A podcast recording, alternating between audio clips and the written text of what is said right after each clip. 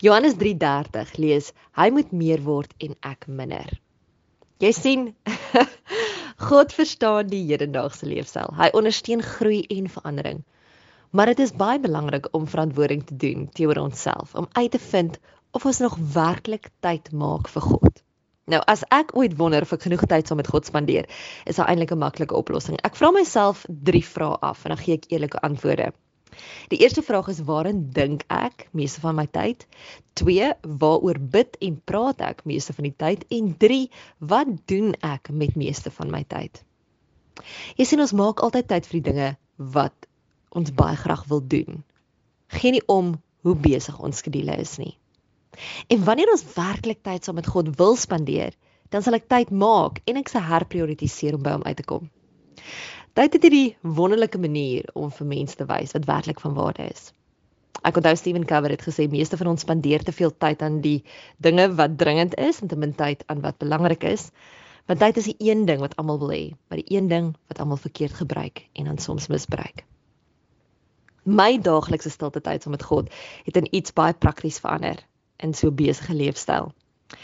Want ek het net besef Jesus het in alle tye die stem van sy Vader gaan soek. Of dit nou was in die stilte van 'n woestyn, alleen in 'n tuin, op 'n bergtop, miskien tussen 12 disippels, voor belangrike besluite, op die kruis voor 'n maaltyd, tussen skare mense.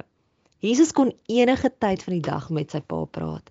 Vroeg in die oggend of laat in die aand, deur die dag terwyl hy wonderwerke gedoen het, toe hy gedoop is, toe hy gesterf het en voordat hy opgevaar het hemel toe. Ek kyk nou 'n paar skrifgedeeltes en onder andere is dit Romeine 8:34, Hebreërs 7:25 en 1 Johannes 2:1. En ek lees dat Jesus wat nou die teenwoordigheid aan die regterhand van God sit, steeds vir ons voorbring en voorspraak doen by God die Vader. Ek weet ook 1 Tessalonisense 5:17 sê: bid sonder ophou. Nou, wanneer ek dit lees, vra hy nie iets van my en van jou wat onmoontlik of onregverdig is nie. God weet self hoe dit voel om in 'n besige dag tyd te maak om sy stem te hoor. Hm. Ons kan nie net tyd maak om te bid wanneer ons behoeftes soos hierdie kruideniersware lysie vir hom wil aflees nie. Want God ken ons harte en al ons behoeftes dames nog voordat jy dit uitgespreek het. Ek dink ek besef net God wil eerste geplaas word in ons lewe. Ons besluite, ons denke. En 'n mens se tyd saam met hom is so kosbaar wanneer jy die gesprekke en die geleenthede saam met hom nie meer reg mis nie. Dan moet ek my hart ondersoek en my harde vrae vra en die voorhandliggende veranderinge maak om God se stem terug te bring in my daaglikse roetines. Ek moet vir jou sê dis daai druk skedules in die geraas van die lewe om ons wat ons aandag kan aftrek van ons stilte tyd met God nê. Maar ek moes leer om met hom te praat as wat ek met my beste vriend praat.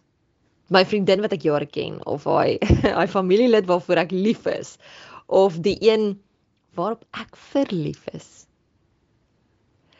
Ek probeer nou my belangrikste kommoditeit, naamlik tyd vir hom gee. Hierdie is nie net dade of uit skuldgevoelens nie. Dit word 'n intieme hartsbesluit. En dan dan draai ek die radio in my motor af en ek raak stil in die stort en ek begin regtig weer fokus terwyl ek huis skoon maak of skottelgoed was en ek soek sy stem. Dis juis in die stilte van my binnekamer voordat ek slaap, ek dink in die, en in die drome dat God altyd my ontmoet en met my praat. God praat met ons deur alles.